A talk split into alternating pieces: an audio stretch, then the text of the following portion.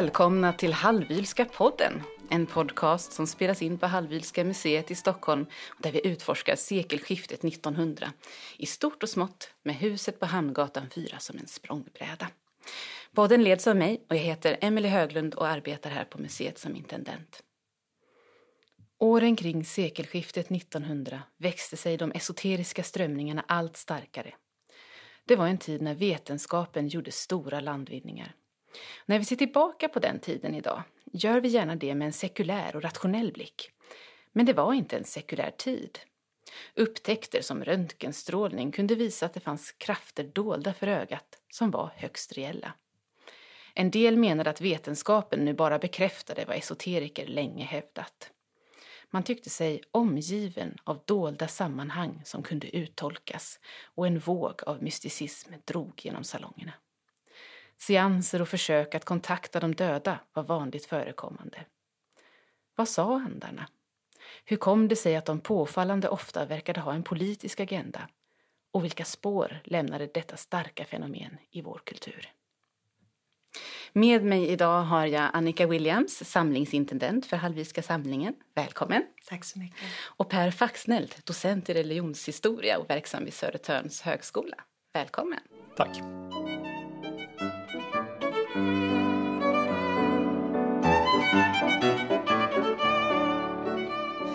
Ja, ämnet vi ska dyka in i idag det är ju esoterismen, ett spännande kapitel i, kring de här åren, kring sekelskiftet.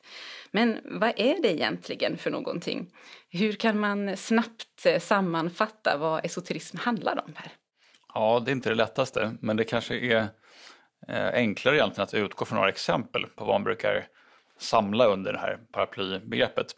Eh, det kan vara sånt som vissa typer av frimureri, det kan vara rosenkorsarrörelser, det kan vara alkemi, ritualmagi, teosofi, antroposofi. Saker som många säkert känner igen men kanske inte helt varse hur det hänger ihop. Mm. Vad finns det för gemensamma drag i de här? I din senaste bok så pratar du om fyra olika sätt som man kan kategorisera den här typen av tänkande.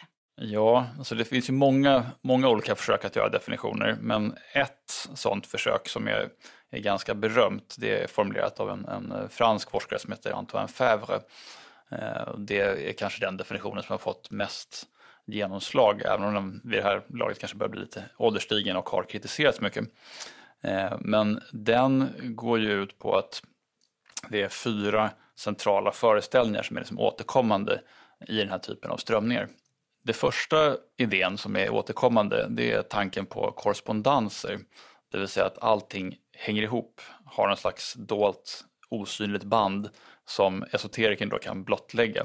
Det kan vara sånt som att det är sju planeter som hänger ihop med sju metaller som hänger ihop med sju organ i människokroppen. Eh, det är de här som dolda sambanden som finns överallt i universum runt oss. Den andra föreställningen den handlar om en levande natur, att liksom allting i kosmos är genomströmmat av en sorts inre eld. Ehm, och det här innefattar då förstås allt från träd till människor, till stenar, till planeter. Det tredje, och den är lite mer obskyr kanske, det handlar om, om fantasi och förmedlande mellanled. Och det med fantasin, det är att man kan liksom visualisera saker med sin, sin inre blick. Och det här är ofta en, en nödvändig del i esoteriska praktiker. Att man ska liksom kunna se framför sig någonting som inte är där fysiskt i världen. Liksom. Eh, och de här förmedlande mellanleden, det kan vara sånt som är symboliska bilder och så, men det kan också vara eh, andeväsen som man eh, kommunicerar med som en slags förmedlare till de här högre andliga nivåerna. Alltså änglar, demoner, de dödas andar, sådana saker. Och sen det fjärde då, och det här brukar man säga att det, det är det som gör att det här inte bara är en form av som spekulativ andlighet där man resonerar kring, kring universum eh, och dess beskaffenhet utan eh, det som är en slags process i det här och det är transmutationen. Det begreppet kommer från alkemin, alltså det handlar om att till exempel transmutera en oädel metall till en ädel, ni vet göra guld av bly och sådana saker. Eh, men här då så förstås det som en andlig process. Eh, att man gör av det själsliga blyet så gör man andligt guld. Eh, man tar sig upp till högre andliga nivåer helt enkelt. En sorts förädling av individen? Ja, en, en självutveckling och i vissa fall också en typ av självförgudande skulle man till och med kunna säga. Det känns som en spännande term att eh, lassa där. Det finns ju en, en form av exklusiv strömning inom detta också, där exklusiviteten är viktig, hemlighetsmakeriet och att man kan just inom olika sällskap höja sig till olika nivåer. Mm. Och det, här, det här lyfts fram på lite olika sätt i, i eh, de skilda försöken att definiera vad esoterism är för något. Men eh, en sak kan ju vara att man eh, tar upp det här temat med att det är liksom en, en kedja av initierade som går långt bak i tiden som man ska bli en del av. Så att man måste liksom initieras in av en mästare i de här sammanhangen och den mästaren måste ha initierats av en annan mästare i sin tur. Eh, men man kan också se det på ett, ett mer ska säga, ett strukturellt plan där det handlar om eh, hemlighetshållande men inte nödvändigtvis att det kanske är ett konkret hemlighetshållande. Eh, till exempel idag så är det ju väldigt eh, lätt att liksom googla fram det mesta. Eh, men det är, det är liksom den här retoriken om att det finns något hemligt som hålls eh, avskilt från de yttre som inte får ta del av det. Eh, och kanske också att det är liksom en form av andliga insikter som är det hemliga. Att det inte bara är något du kan, kan ta ner en pdf med från nätet utan det är liksom en, en insikt som måste förmedlas som är hemligheten. Lite svårare helt enkelt. Mer, mer svårgooglat. ja, verkligen. Eh, där hade vi fem egentligen. Överensstämmelser eh, läste jag också i din bok. Den här tanken om att det fanns någonting gemensamt i alla religioner. Mm. Är det också något som är gemensamt för alla de här olika strömningarna? Ja, det är ju återkommande åtminstone. Men, men eh, om man får tro Antoine Favre så är väl det inte lika centralt i, i allihopa. Eh, men det där är ju väldigt framträdande under perioden runt år 1900. Och det hänger samman också mycket förstås då med saker som, som sker inom religionsforskningen. Eh, det vill säga man börjar intressera sig för andra religioner än kristendomen på allvar och de här eh, religionernas urkunder har blivit tillgängliga i översättning. Eh, och man blir också varse många likheter mellan religioner. Och forskningen handlar mycket om att jämföra religioner med varandra och, och se liksom, ja men här finns det också en, en åskgud, hur, hur hänger det ihop, varför har, har liksom de gamla indierna en åskgud och det finns i det fornnordiska också, vad, vad betyder det? Eh, så den, den typen av projekt var liksom en del av det akademiska mycket också. Eh, men för esoterikerna så signalerar det här någonting annat. Då. Eh, för en esoteriker så betyder det här att det, är, det finns de här dolda sambanden och en slags evig gemensam kärna i alla religioner egentligen som man kan vaska fram och kanske sätta ihop en egen syntes av till och med. Det är en väldigt spännande period där det händer mycket med tänkandet både inom akademin men också samhället och det är mycket naturvetenskapliga upptäckter som görs också. Och när man tittar på det här utifrån och också så som vi kanske minns sekelskiftet 1900 så tänker man ju kanske på det mer som präglat utav just industrialism, naturvetenskapens framväxt, någon sorts rationalitet.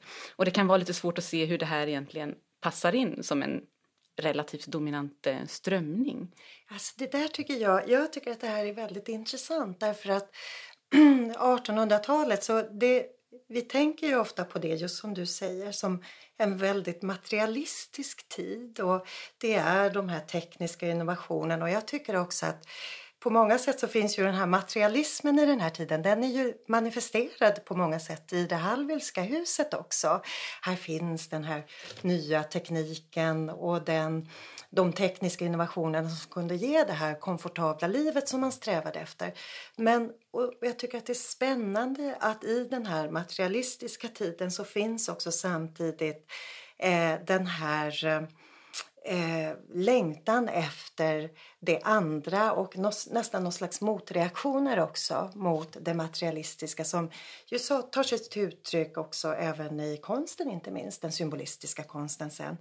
Men någonting som jag tycker är spännande också som skulle vara intressant att höra dig utveckla mer här då Per, det är om man tar då till exempel The Society of Psychical Research, SPR. Vad är, vad är det kanske vi ska berätta för lyssnarna också då? Det var ju en, eh, ett eh, sällskap som grundades 1882 men att de där i SPR, eh, att de hade ett vetenskapligt sätt att intressera sig för det övernaturliga som jag har uppfattat det. Och där var ju också väldigt många medlemmar. Sir Arthur Conan Doyle var medlem och Sigmund Freud blev ju hedersmedlem där så småningom. Och jag tänker också att de hade en väldigt stor betydelse för också litteraturen.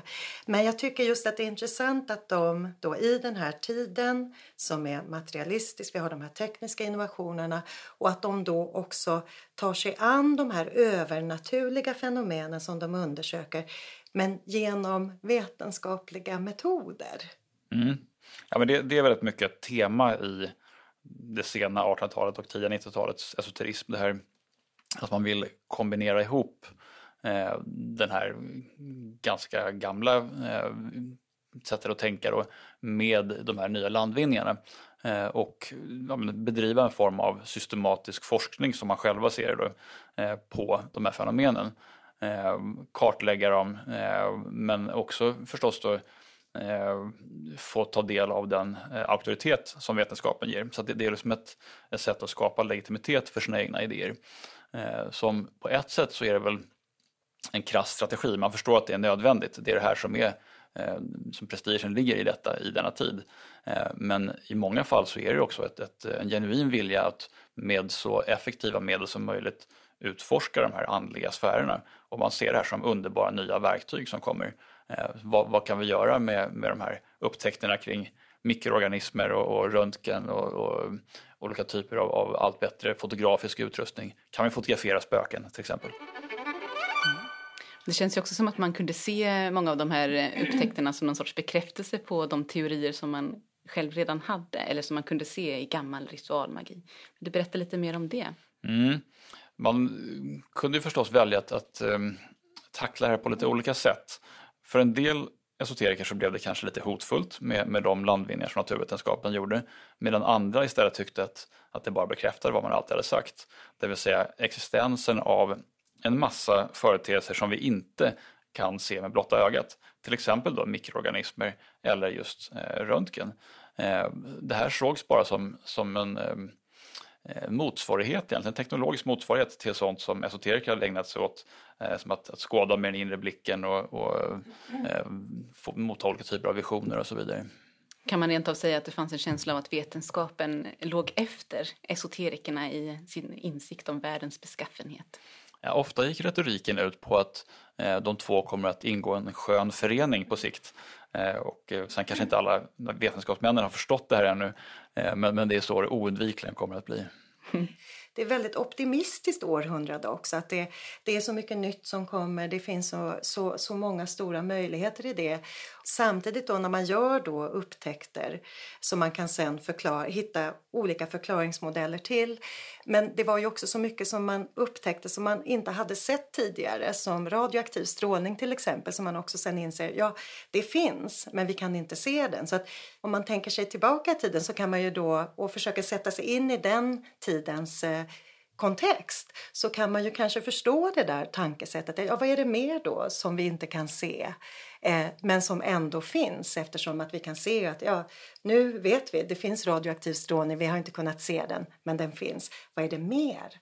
Som mm. vi inte kan se som faktiskt finns. Alltså att det där var något sätt ett stor, en, en stor sfär som de rörde sig som måste varit ganska intressant och spännande att, att vara i, tänker jag. Jo, men det är klart. Och, och, och de här vetenskapliga liksom, analogierna, som man kanske kan kalla det för i, i många av, av de här fallen, eh, de togs ju in i, i det esoteriska sammanhanget på olika vis. Man kan också tänka på det här med evolution som på ett vis då kan vara en väldigt positiv teori som du säger att det är liksom en framåtrörelse och allting blir bättre och bättre och mer och mer förfinat.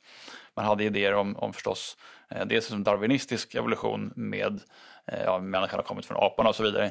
Men eh, det fanns ju också de här liksom kultur eh, evolutionistiska idéerna om att kulturen når högre och högre nivåer.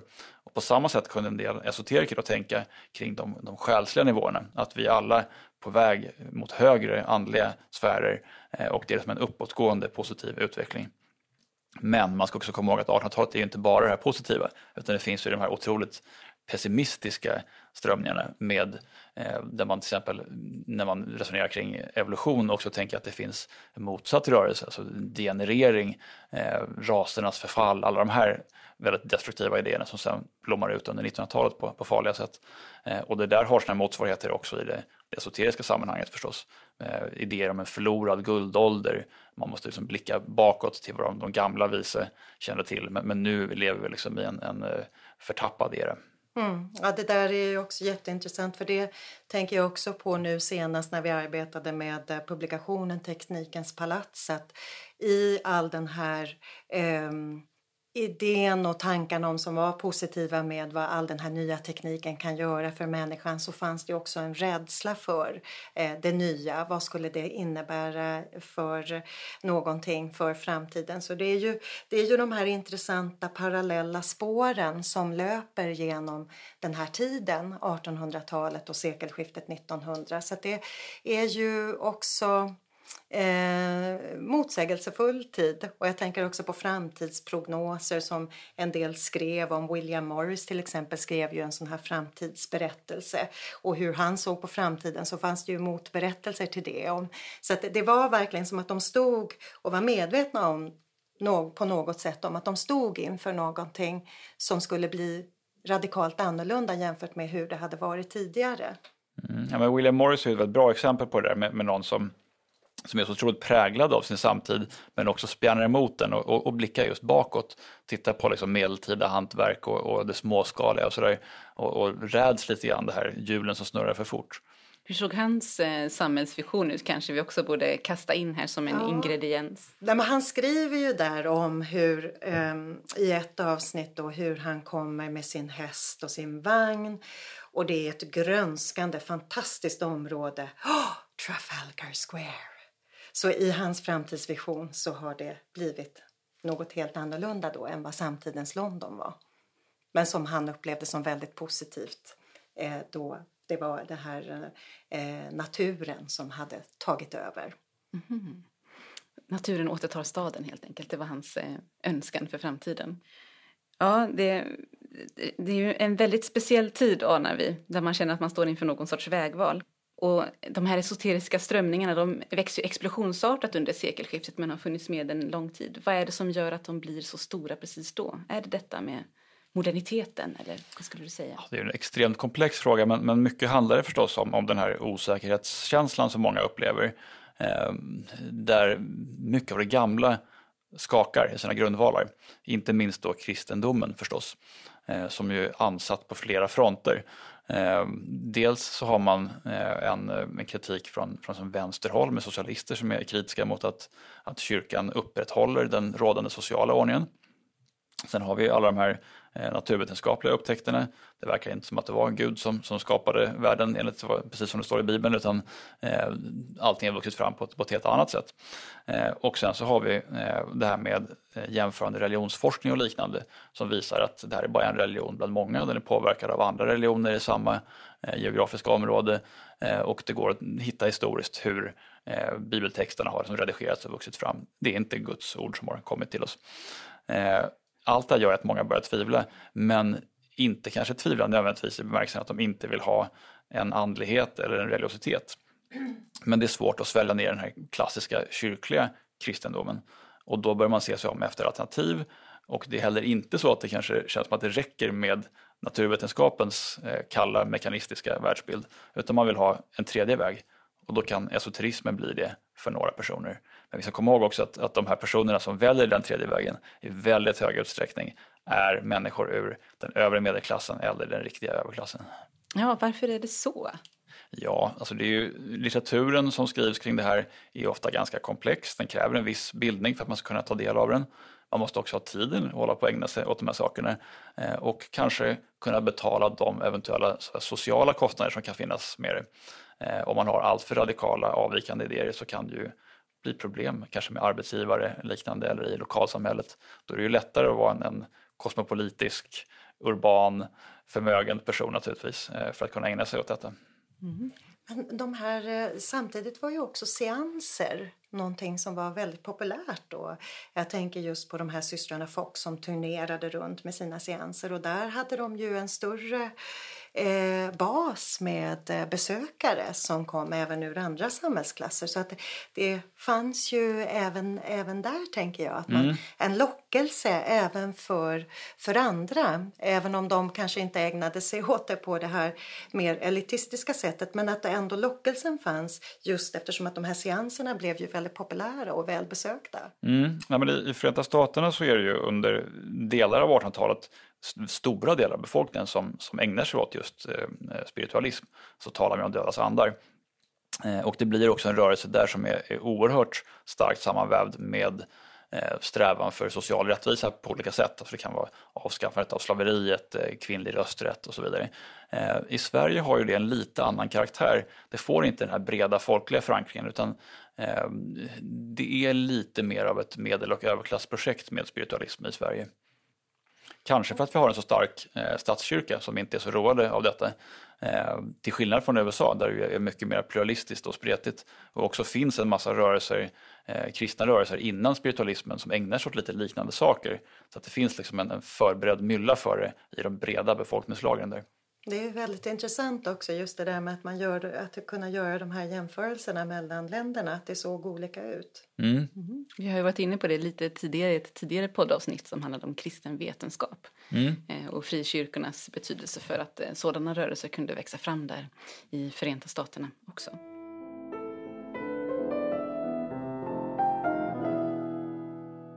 Nu kom vi in lite grann på det här med kontakten med döda som intresserade mig lite. Och du sa också det att eh, man genom de döda fick ta del av olika utopiska samhällsutvecklingsidéer. Eh, och det intresserar mig lite grann. Hur kunde det komma sig att det var det som eh, andarna förmedlade så, på så bred front? Ja, till en början så var det ju inte sådana budskap som kom i den amerikanska spiritualismen. Eh, utan det, det var, eh, alltså, väldigt basalt så handlade det bara om att, att eh, förklara att det finns ett liv efter detta och vi vill, vill nå ut till er och kommunicera med er, vi finns kvar här, vi tycker om er fortfarande, ungefär så.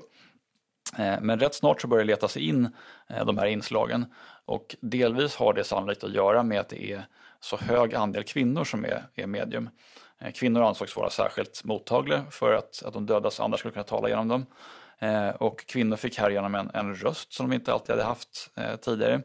Eh, ett, en plattform att tala ifrån. Och eh, saker som, som man kanske inte kunde säga eh, med sig själv som avsändare blev möjliga att uttrycka. Till exempel då att den och den eh, store amerikanske historiska ledaren anser att nu är det dags för kvinnlig rösträtt. Eh, och då fick man ju en annan auktoritet bakom det här också. Det känns lite spännande också för att det blir en, en, en dubbelhet i det där man, där man undrar hur mycket spiritualisten själv trodde på sin mediala kraft och i vilken grad det istället var ett verktyg för politisk påverkan. Mm, man, man, får nog tänka sig att det är en, en en skala där, eh, men också att det kan säkert skifta rätt mycket hos en enskild individ. Eh, och det är ju förstås inte heller ömsesidigt uteslutande att man kan, man kan tro på att man verkligen kommunicerar med någonting eh, bortom den här världen, men man kan också se det strategiska värdet i det. Det är liksom inte ömsesidigt uteslutande kategorier. Mm. De här systrarna Fox då som, som vi var inne på tidigare, de, eh, där var det ju för alla fall en av dem som sen erkände att de hade ju hittat en metod för att göra de här knackningarna så, utan att man eh, kunde, att det blev synligt att kroppen gjorde knackningarna. Så att de, blev, de avslöjade sig själva, i alla fall en av dem där, som en, som en bluff. Mm. Spiritualismens historia är ju kantad av den här typen av, av avslöjanden och skandaler. Eh, och man fick ju hantera det på olika sätt. Men det, det är ju intressant att se hur mycket den, den överlappar med eh, scenmagins, illusionismens teknologier. Eh, man anammar sådana men också att det går åt andra hållet, att, att eh, illusionister och scenmagiker hämtar inspiration från spiritualisterna. För det är ju otroligt teatraliskt och det är ju liksom ett, ett performance. Eh, man betalar för en, en, slags show när man kommer på sån här tillställning. Och det där är också lite intressant att det har den här man säger, klientreligionskaraktären. Eh, du behöver inte tro jättemycket på det, du behöver inte bli medlem i någonting, du behöver inte underkasta dig en massa regler. Du kan bara gå närvara vid en sån här show, en, en seans, du betalar pengar och kommer någonstans. Ja, det var underhållande, så går man hem. Mm. Eller så sår det ett frö. Men hur kunde en sån här seans gå till? Tänk om vi tar systrarna Fox som exempel. De kommunicerade genom eh, knackningar med mm. de döda. Ja, som jag uppfattat det då med de här systrarna Fox att de var ju ganska små de här yngsta systrarna när de eh, upptäckte sin, så kallade, sin förmåga då. Och eh, att de menade att de hade fått kontakt med en, en avliden person då som, eh, som hade bott i huset, som hade varit handelsman och att den kommunikationen skedde då via knackningar. Så att det var väl så det gick till eh, i deras fall då, att det skedde med knackningar. Men det fanns ju alla möjliga olika metoder beroende på vilket typ av medium man var då. Så hade mm. man olika sätt att kommunicera med andevärlden. Så det fanns ju verkar ju ha varit en, en liten av en uppsjö med metoder för att kommunicera med andevärlden. Ja men verkligen, alla, alla hade sin specialitet. Det kunde ju vara allt från att man föll in i trans på olika sätt, eh, en, en lätt trans där man var ganska medveten och, och som var sig själv, till att man helt blev, eh, liksom blev övertagen av den här anden som talade genom ens mun och man, man tappade all, alla begrepp om vad som hände i rummet själv. Eh, till sånt här att man skrev ner meddelanden, automatisk skrift eller gjorde automatiska teckningar och så vidare. Eh, så det, det fanns ju väldigt många sätt som andarna kunde meddela sig på. Ett, eh, ett teknologiskt hjälpmedel som var populärt det var ju psykografen som var som en, en, en liten trätingest eh, på lätta, lätta hjul som rörde sig fram lätt som deltagarna då kunde lägga fingrarna på. Och det är ju andra glaset-modellen här fast lite mer förfinat. Eh, och sen kunde den här diktera fram ord genom att den, den rörde sig över en, en planschett med Eh, bokstäver på med alfabetet. Eh, och det fanns massa varianter på det förstås också, eh, Ouija-bräden och, och, andra saker. Eh, men, men det är intressant just det att det är eh, det blir liksom teknologiskt. Eh, det ska vara hjul som rör sig väldigt, väldigt lätt för andarna är inte så starka tydligen utan liksom svårt att rubba tunga fysiska föremål och man kan underlätta för dem genom att konstruera bättre teknologiska hjälpmedel. Vilken eh, roll spelar andra teknologiska landvinningar i det här? Jag tänker på uppfinningar som fonografen som gör att man kan höra röster på större avstånd eller telefonin. Eh, den här känslan av att man kan nå bortom en gräns. Det sägs ju det att eh, Thomas Edison, det är ju en artikel där i The American Magazine som nämner det att han arbetade på en maskin av något slag för att då kommunicera med andevärlden, de döda. Mm. Jag blir också lite nyfiken på hur man ser på sin egen religiösa identitet i detta. För vi pratar ju ändå om en väldigt kristnad världsbild som trots allt finns som, ett, som en huvudspår i samhället vid den här tiden. Står det i konflikt med kyrkan och den religiösa identiteten som han har med sig liksom, av tradition att också då bli esoteriker parallellt? Alltså mycket mindre än vad man skulle tro kanske. Eh, en enorm eh, majoritet av 18 och tidiga 1900-talets esoteriker uppfattar sig själva som kristna.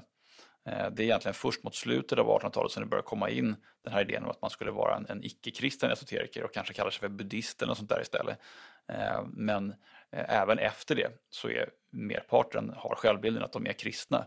Kanske inte kristna på det sättet som är helt godkänt av, av de stora kyrkliga samfunden, men definitivt kristna. Och om man ska tala om en, en mytisk gestalt som är framträdande inom esoterismen så är det ju Kristus. Han är nummer ett, utan tvekan. Mm. Det fanns ingen risk att bli anklagad för kätteri då? Jo då, eh, det gjorde det. Det var ju inte okontroversiellt med esoteriska strömningar. Eh, Svenska kyrkan var inte så road av det. Eh, till exempel teosofin såg man ju som ganska hotfull. Men kanske framför allt i och för sig eftersom man uppfattade teosofin som en typ av missionerande buddhism. Så det var mer där i hotet låg. Men historiskt har det ju varit problem för esoteriker Ehm, till exempel Swedenborgare har ju haft eh, avsevärda problem med Svenska kyrkan och präster som har eh, anslutit sig till den Swedenborgska läran har ju blivit uteslutna eh, ur Svenska kyrkan. Det är en lära som har sin rot i 1700-talet. Ja, så precis. precis. Men, som, men som är fortfarande väldigt viktig i Sverige under 1800-talet. Eh, Swedenborg är liksom en sån figur som man inte, inte kommer förbi eh, om man, man talar om, om svensk lite avvikande religiositet. Innan vi lämnar det här med kontakten med döda så tänkte jag på det att vi har ju faktiskt i våra samlingar en trollformel mm. Eh, som syftar till att återuppväcka mm. döda. Mm. Vill du berätta ja. om den Annika? Vad vet vi om den? Hur har det kommit hit ja. till huset? Eh, I samband med då att vi jobbade med utställningen eh, Skräck och skrock, det ockulta sekelskiftet 1900 så tittade jag igenom eh, Hallwylska samlingen för att det, man kanske inte direkt tänker på Wilhelmina von Hallwyl som, som eh, esoterisk. Eh, men eh, det finns faktiskt i samlingen under grafologi och magi, det är så det är klassificerat, så finns det ju då några få föremål som jag hittade och bland annat då den här trollformen. Och Eh, det, det, vi vet om den det är ju att eh, den har ärvts inom fam, familjen Wallis, alltså Wilhelminas mammas släkt. Eh, så, och mm, det finns ett, också ett spådomssystem som också ärvts då från eh, Wilhelminas mormor Fredrika Wallis. Men jag tog med mig den här så jag kan ju läsa upp den då, den här eh, trollformen på 12 versrader. Och hoppas att den eh, inte har någon verkan. Vi, vi, hoppas det. Men det kan vara jätteintressant för, för uh, att höra vad du tänker om denna uh, trollformel här då. För det, det, är ju ett uttryck för någon slags magiskt tänkande och uh, den går så här. Eh, Ratchi karuchi dadel um dig Abrakadabra, pucci papej, trolldom med malört, aska och grums, väcka till livet det döda nu bums. Gravarna öppnas i grönskande lundar, fram träda spöken och katter och hundar.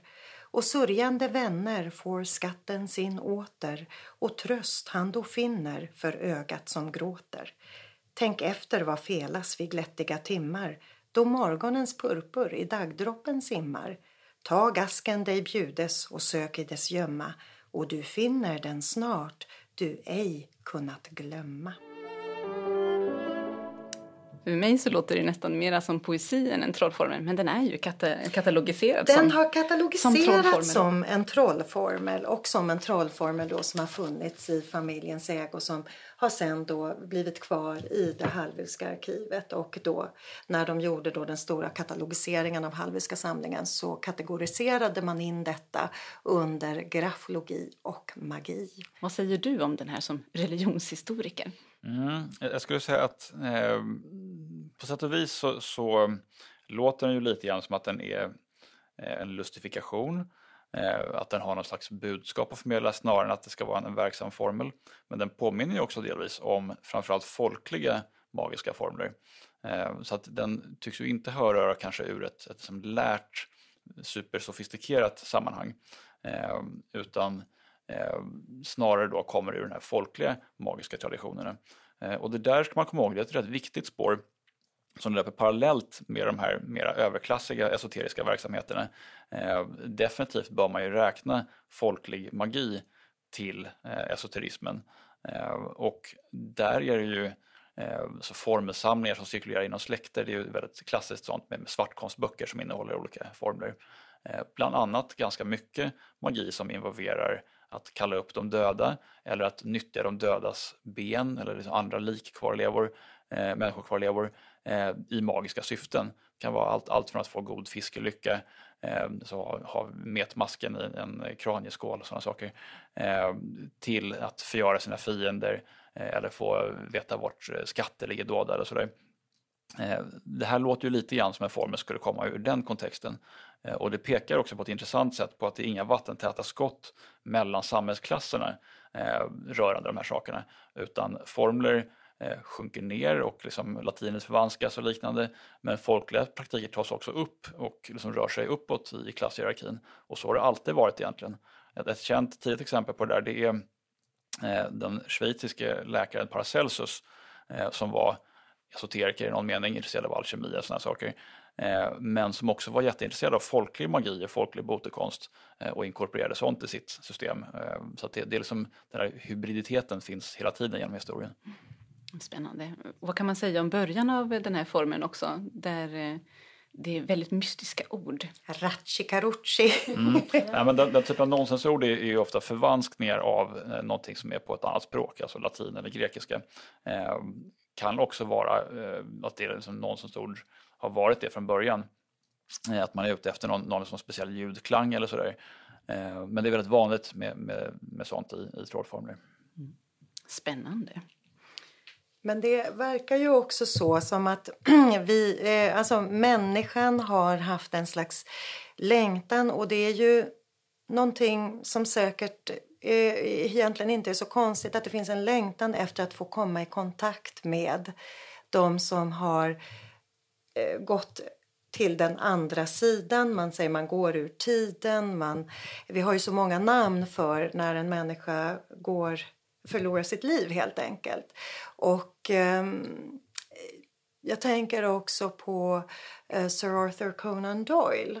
Eh, och hans, han var ju övertygad eh, spiritualist som jag har förstått det och deltog i seanser. Och, eh, när, eh, och, och, det är ju också fullt mänskligt förståeligt eftersom att han förlorade ju familjemedlemmar, han hade ju en son som dog i första världskriget. Så att, eh, det kanske också är någonting som vi människor har i oss. när Vi, vi kan inte riktigt acceptera när någon dör ung. Man kan mer acceptera när någon lever sitt liv till slutet. Men med när någon dör ung, då vill vi på något sätt få någon slags bekräftelse i att de har väl det fortfarande bra. För det verkar vara sån, det finns en sån väldigt stark längtan också i den här tiden med de här seanserna.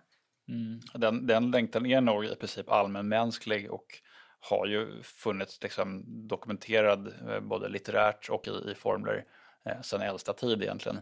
Eh, man kan ju tänka på Odysseen där det finns en, en gripande scen där det är en, Eh, i och för sig inte en, en ung anhörig utan en moder som kallas upp, eh, skuggan kallas upp från dödens rike men visar sig vara omöjlig att famna, det är oerhört tragiskt.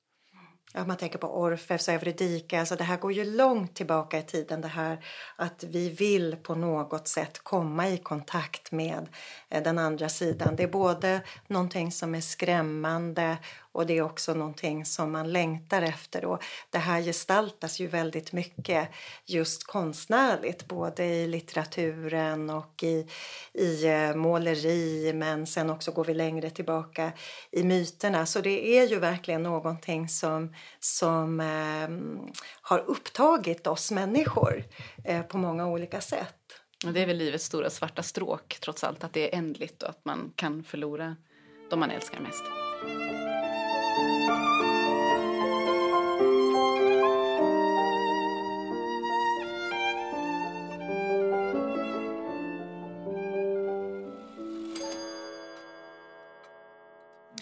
Det här är ju också en tid, om man tittar på 10-20-talet, när eh, just många unga, som du säger Annika, faktiskt går bort. Dels genom första världskriget ju, som tar många liv, men också genom spanska sjukan. Är det här någonting som spär på den esoteriska utvecklingen? Kan man se det? Ja, alltså spiritualismens glansdagar är ju egentligen lite tidigare. Eh, I det skedet så hade ju kanske teosofin tagit över lite grann som den, den dominerande esoteriska strömningen, framförallt för intelligentien. Hur skiljer sig den ifrån eh, spiritualisterna? Ja, alltså man kan ju säga att teosofin på sätt och vis har sina rötter i spiritualismen. Ehm, det är ju en, en rörelse som grundas 1875 i New York av en eh, kvinna som är född i nuvarande Ukraina, Madame Blavatsky eh, Eh, och en, en, grupp runt henne. Eh, men Madame Blavatsky började sin karriär bland annat som spiritualistiskt medium.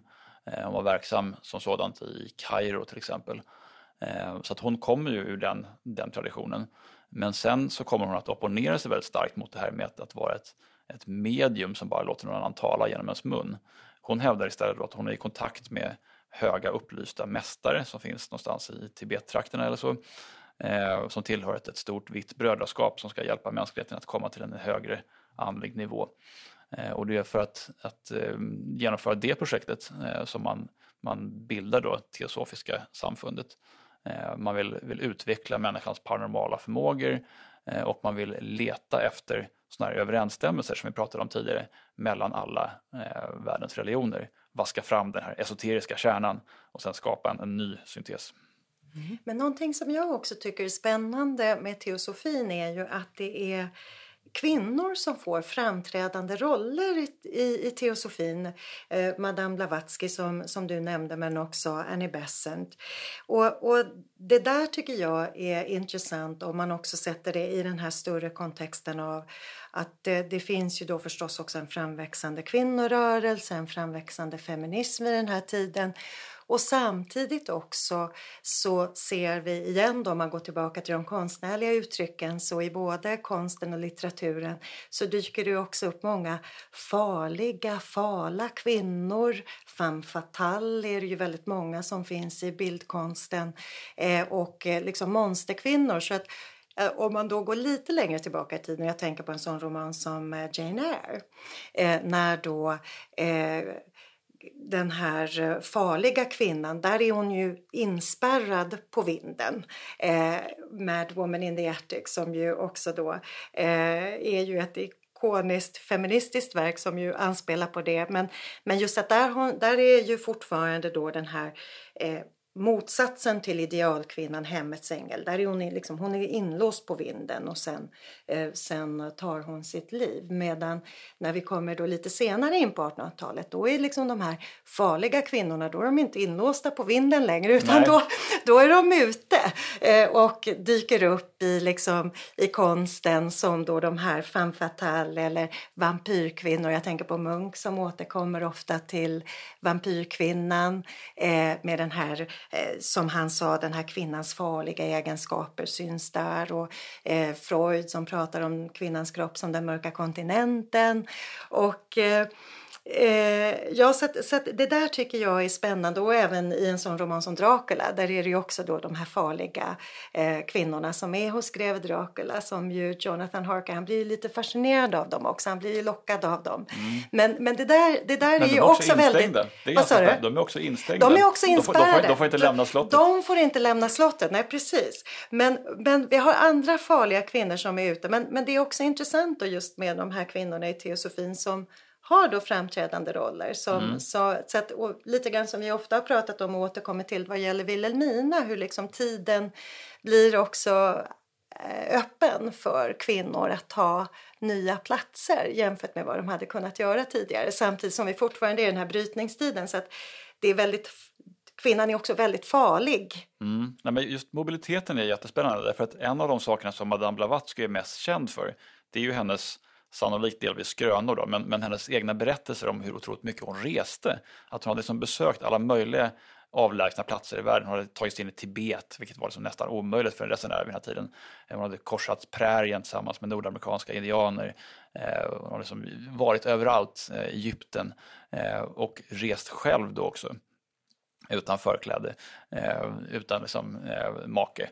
Eh, och det ansågs ju väldigt olämpligt. Det var en sån sak som, som signalerade hur gränsöverskridande hon var som kvinna verkligen. Det är spännande att hon kan ha den eh, berättelsen om sig själv eh, som en väg till framgång när den också är så kontroversiell. Mm, hon odlade ju kontrovers får man säga. Hon, hon var, var, ju, eh, hade en, en framtoning där hon eh, svor väldigt mycket, drog burleska skämt, eh, rökte som en borstbindare, eh, betedde sig okvinnligt på olika sätt helt enkelt. Och Eh, hennes nära vänner kallade henne för, för Jack. Mm. ja, det är spännande att det kan liksom bli en plattform att tala ifrån, att vara så gränslös som hon mm. var. Väldigt spännande karaktär. Eh, kontroverser säger att hon eh, använde också som en strategi och det gör hon ju även i sina läror. Jag tänker på det här som du skriver om, om hennes bild av Satan som en ögonöppnare. Mm. Vill du berätta om den, hennes motmyter? Mm. Det är ett väldigt radikalt inslag i i en bok som hon publicerar 1888, The Secret Doctrine, den hemliga läran, eh, som heter sånt nyckelverk inom teosofin. Eh, och där finns det i ett par kapitel eh, en ja, utläggningar då om hur man egentligen ska förstå det här med syndafallet. Vad var det som skedde där? Det var ju inte att det var en, en elak orm som lurade människan och lurade Eva då i synnerhet. Utan den här ormen, den var en, ett vänligt väsen eh, fortfarande identifierat med Satan intressant nog, men ett vänligt väsen som gav oss andlig upplysning, satte igång vår andliga evolution genom att vi fick äta av den här förbjudna frukten.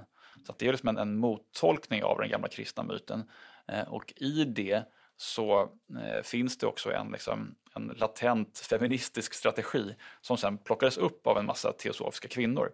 Eh, därför att den här berättelsen har använts historiskt väldigt, väldigt flitigt av konservativa kristna män för att motivera att kvinnan ska tiga i församlingen, kvinnan ska förbli i hemmet, kvinnan är inte att lita på, kvinnan är särskilt mottaglig för djävulens ränker etc. etc. Men om det i själva verket är så att, att djävulen är någon slags vänlig eh, frälsarfigur nästan, Ja, det var ju kvinnan bara den smartaste av de två som, som förstod först att, att den här frukten ska vi minsann äta av. Någon att lyssna på ja, istället. Och då, då, undergräver man den här mytologin genom att liksom spränga den inifrån. Eh, och det där är egentligen en, en, strategi som har funnits länge. Romantikerna höll på med det där väldigt aktivt och medvetet. Eh, Percy Shelley till exempel hade ett sånt liksom ett program uttalat att han skulle eh, explodera myterna genom att berätta om dem i nya versioner med, med liksom skurkarna som hjältar. Och det var ju för att han ville Eh, knäcka kristendomen som en stöttepelare för det, det gamla sociala systemet. Skulle du säga att det var Madame Blavatskys agenda också? Ja, delvis hade hon ju en sån agenda helt klart. Eh, Madame Blavatsky var väldigt kristendomskritisk vad det gäller de stora etablerade kyrkorna. Hon kunde säga samtidigt att Kristus sanna lära, eh, den skulle man omfamna. Men inga av de stora kyrkorna hade förstått det. Mm. Man, tar, man tar på sig tolkningsföreträdet helt enkelt mm. och omtolkar de här gamla myterna också. Men det här måste ju varit otroligt provocerande för kyrkan. Apropå det här med kätteri. Eh, blev hon någon gång anklagad för satanism rent av i detta? Ja, konstigt nog så verkar just de här passagerna inte ha plockats upp så mycket av hennes motståndare. Men, men det kanske var för att det fanns så otroligt mycket annat att ta fasta på eh, om man ville svartmåla henne. Så att det, det här var liksom bara en av, av väldigt många saker. Eh, hela teosofin kom ju också att bli ganska associerad med just kvinnosaksfrågan. Och vi har ju lite grann varit inne på det, att kvinnorna ansågs som lämpliga medium eller särskilt mottagliga för detta. Och att de kanske då hade en annan plattform inom de här eh, rörelserna än vad de hade annars. Men Strindberg lär till och med ha kallat det för en sorts kvinnokonspiration. Mm. Han var ju väldigt irriterad på teosofin och, och tyckte att det här var, var liksom ett tjuvknep som, som nyttjades av kvinnor för att häva sig upp och över männen. Eh, samtidigt så läste ju Strindberg också ganska mycket teosofi eh, och det finns eh, teosofiska influenser i hans verk, även om han då förkastade det utåt. Mm. Jag tycker att den här politiska strömningen som finns inom spiritualismen och teosofin är ganska spännande också med tanke på att, eh, som vi har pratat om, det är någonting som i huvudsaken vilar hos överklassen, i vart fall i Sverige. Men samtidigt så ser man att de politiska idéerna som eh, dryftas där handlar mycket om feminism, antislaveri, vegetarianism och eh, kolonialism och sånt. Och det känns ju samtidigt som frågor som kanske inte skulle falla i så god grund hos den etablerade överklassen Ja, samtidigt så fanns det väl ett utrymme där också att, att vara radikal. Eh, och låt oss säga sådana frågor som, som antikolonial strävan, det var ju knappast någonting som man, man drev som en, en som enkel arbetarkvinna, utan det handlade ju om att man måste ha kommit i kontakt med det här som, som eh, fenomen genom resor, genom att, att vara beläst och så vidare. Eh, så att många av de här progressiva frågorna var ju sånt som i hög grad bara berörde de, de bildade eller förmögna klasserna. Samtidigt som det riskerar att smula sönder systemet som rikedomarna vilar på. Mm, ja, det ligger ju en, en paradox i det såklart.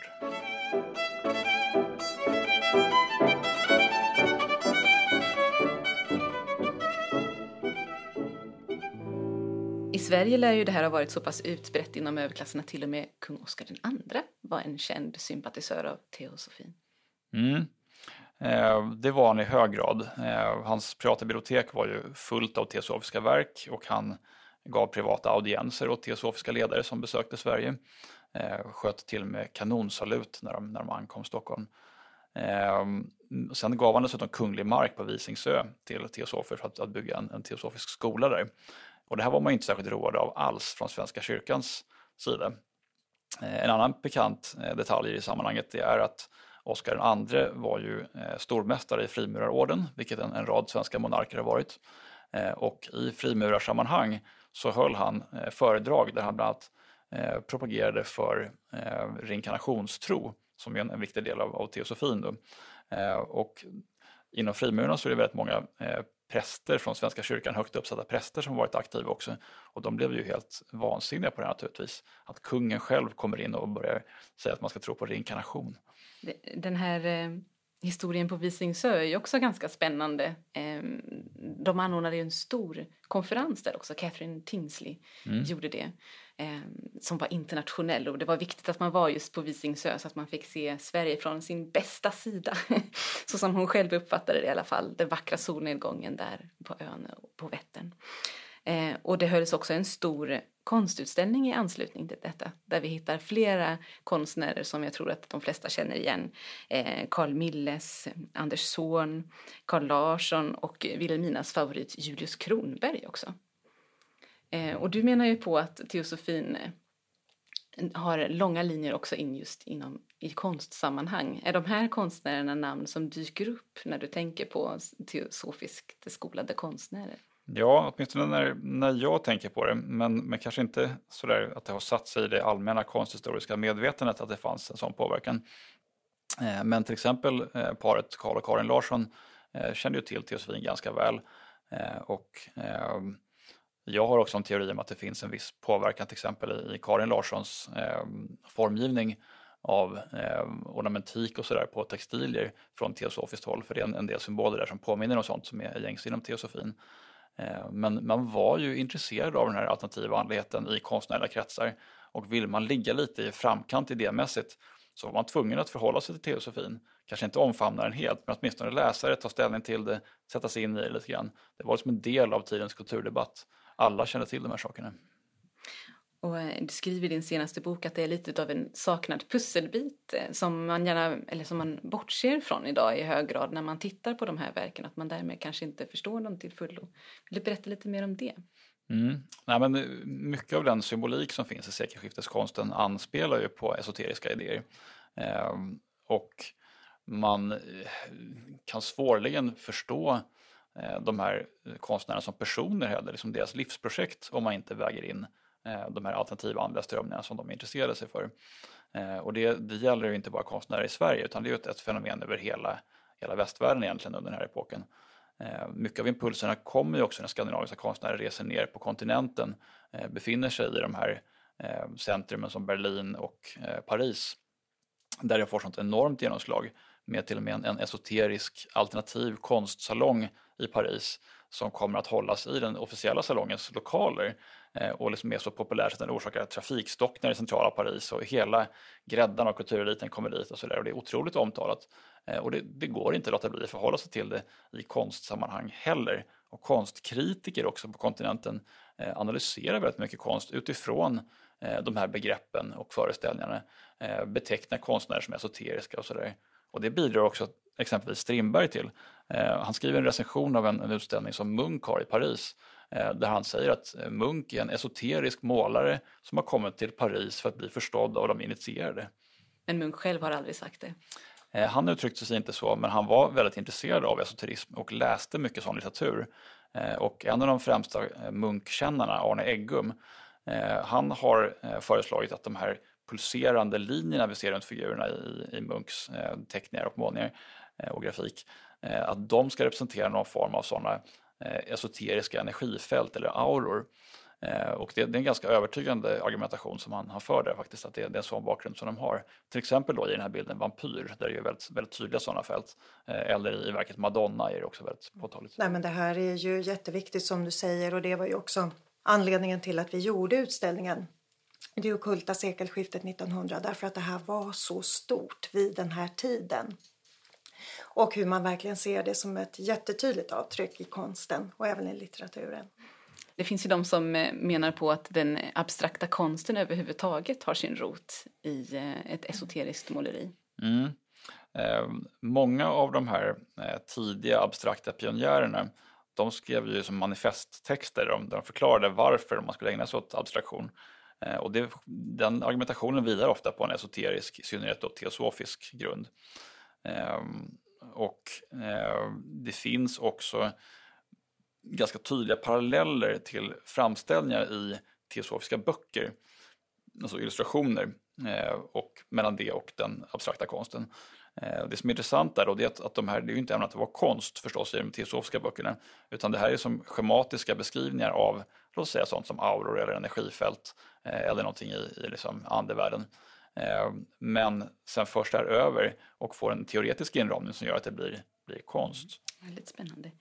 Ehm, Ellen Rosvall, mellandottern här i familjen, hon studerade ju konst för Carl Milles Eh, som ju var en av de här konstnärerna som vi nämnde eh, ställde ut då på Visingsö under den här stora konferensen och som också själv under 1940-talet har gått ut offentligt och eh, berättat att han intresserar sig för de här lärorna. Kan man se några spår av esoterismen i Ellens konst? Ja, alltså jag tycker att, att det, det kan man absolut göra och även om det inte är så hon, hon, var, hon hade ju en väldigt, väldigt stark religiös tro. Hon hade en väldigt stark, djup gudstro.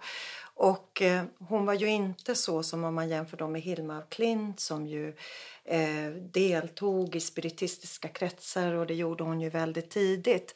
Eh, och Hilma af Klint som då såg sig som också som ett redskap för någon slags högre eh, intelligens ett, från ett astralt plan medan det finns en likhet med Ellen på så sätt att hon också såg sig som ett redskap. Det finns ju en väldigt rik brevväxling som är kvar. Det finns ju många brev efter Ellen.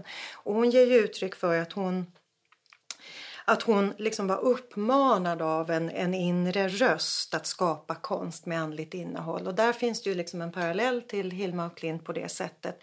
Eh, men hon, och också i hennes gudstro, även om inte hon var det, hon var inte uttalat följare eh, i någon av de här riktningarna.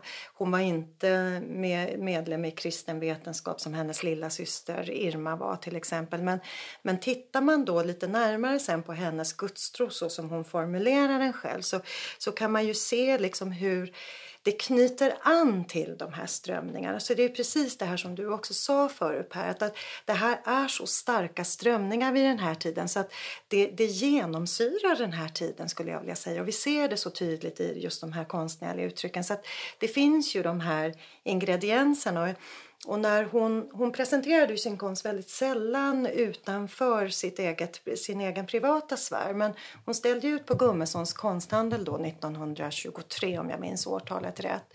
Och där så eh, de recensenter, de som recenserade Ellens eh, konstverk där, de, eh, det var bland annat Karl Asprund då som ju skrev mycket i Svenska Dagbladet på den tiden. Eh, de gemensamt för dem är att de som var positiva till henne, det var de som var negativa också, men att de upp uppfattade hennes verk som gåtfulla. Man beskrev dem som gåtfulla, man beskrev dem som verk som uttryckte en mysticism.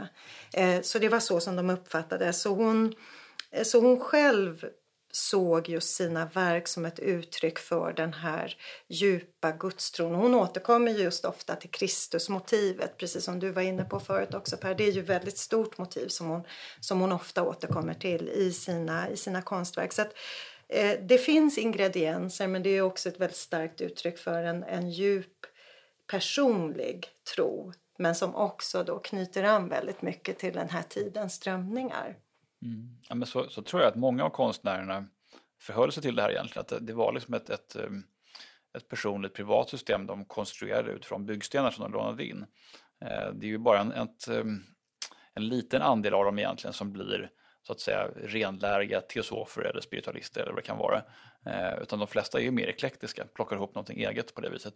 Sen tycker jag det är jätteintressant det som du säger med mottagandet av hennes verk, eh, att det finns den här eh, fascinationen hos kritiker för eh, konst som är, har någonting mystiskt, någonting gåtfullt vilande över sig.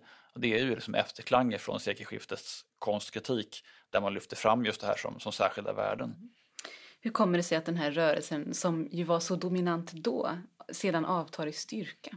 Ja, egentligen så skulle jag säga att den gör inte det, utan den bara transformeras mm -hmm. och får nya uttryck. Eh, teosofin eh, knoppar ju sen av sig och blir antroposofi till exempel. Eh, och antroposofi kan man ju se som en, en väldigt framgångsrik form av esoterism omsatt i praktiker. Eh, det vill säga det är biodynamisk odling, det är Waldorfskolor, det är sånt som Vidarkliniken, eurytmi, alla möjliga saker. Eh, men som också inspirerar många konstnärer fortsatt in i 1900-talet. Eh, men, men där ser man ju hur det, som det dyker upp på lite oväntade håll i samhället, alltså i pedagogik och, och i jordbruk och sådana saker. Eh, men kanske viktigast är ju då att teosofin lägger ju grunden för det som sen blir vad man kallar för new age med en term som kan tyckas vara lite lätt nedsättande ibland. Eh, och där ser vi också hur det är ett här skifte i eh, social status.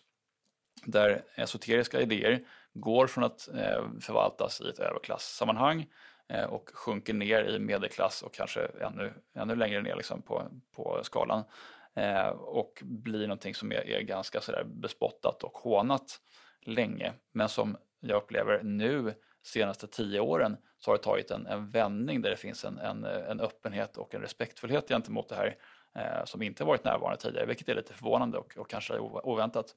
Eh, men som jag tror har delvis att göra med en, en revival för sekelskiftes ockultismen eh, och dess kulturella prestige genom Hilma och Klint. Eh, succén som Hilma och Klint har gjort har verkligen öppnat dörrar för alternativ andlighet in i kulturella finrum och det är så himla många nutidskonstnärer som bearbetar både äldre esoteriska idéer och mer nutida tankegods. Så vi kan eh, anta att den här typen av mysticism alltså inte är förpassad till historien utan den fortsätter att eh, finnas med oss och kanske utöva ett inflytande. jo men det gör den definitivt och, och i alla möjliga uttrycksformer. Eh, inte minst politiskt igen faktiskt där det ju är eh, ett sätt att protestera mot till exempel den, den eh, högerkristna Trump-regimen var just att återuppliva det här med, med, satanistisk feminism och anspela på den, den symboliken som går tillbaka till teosofi och annat. Vår mänskliga evolution är kanske inte så snabb som vi uppfattar den ibland. Vi kanske går ganska långsamt vi människor fram i vår evolution så att våra teman bearbetar vi århundrade efter århundrade därför att människans evolution är långsam. Vi ändrar oss inte särskilt mycket. Nej, det kanske bara är cyklisk. så kan det definitivt vara. Eh, ser du, vilka starka spår ser du i vår kultur idag eh, som har sina rötter i detta? Det ser man ju förstås i populärkulturen och där, där har ju alltså turismen alltid funnits. Eh, egentligen. Så all, allt från liksom Marlows Faust, eh, där det är ritualmagi som beskrivs som frammanar en demon, ganska detaljerat hur man går tillväga också. Eh, in i gotiken på 1700-talet som ju är liksom den tidens stora populärgenre. Eh, och sen förstås idag så har vi ju i, i allt från liksom Harry Potter som en hel generation läser, eh, som är ändå ganska, ganska liksom, eh, mycket riktiga detaljer i eh, namngivna esoteriska eh, historiska personer och sådär.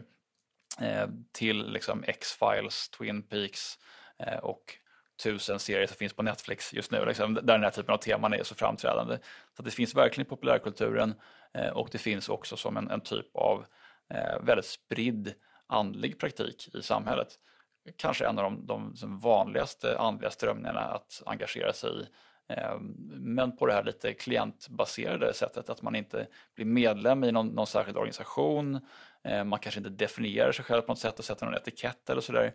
Men man, man laborerar lite grann med olika tekniker och föreställningar från det här sammanhanget. Det är just kanske det där som är lockelsen då, det här eklektiska som du var inne på tidigare. Att man kan, man kan eh, göra så som det engelska uttrycket säger, cherry picking. Man kan hitta lite här och lite där och plocka mm. ihop till någonting eget. Mm. Ja, smör, smörgåsbord är ju en vanlig metafor för, för det här. Ja. Precis. Eh, och det är klart att det passar väldigt bra i ett radikal individualistiskt tidevarv. Det får nog bli slutorden för det här ämnet. Otroligt spännande och vi hade kunnat göra en hel timme till om, om formatet hade tillåtit det. Men kanske kan vi återkomma till detta längre fram.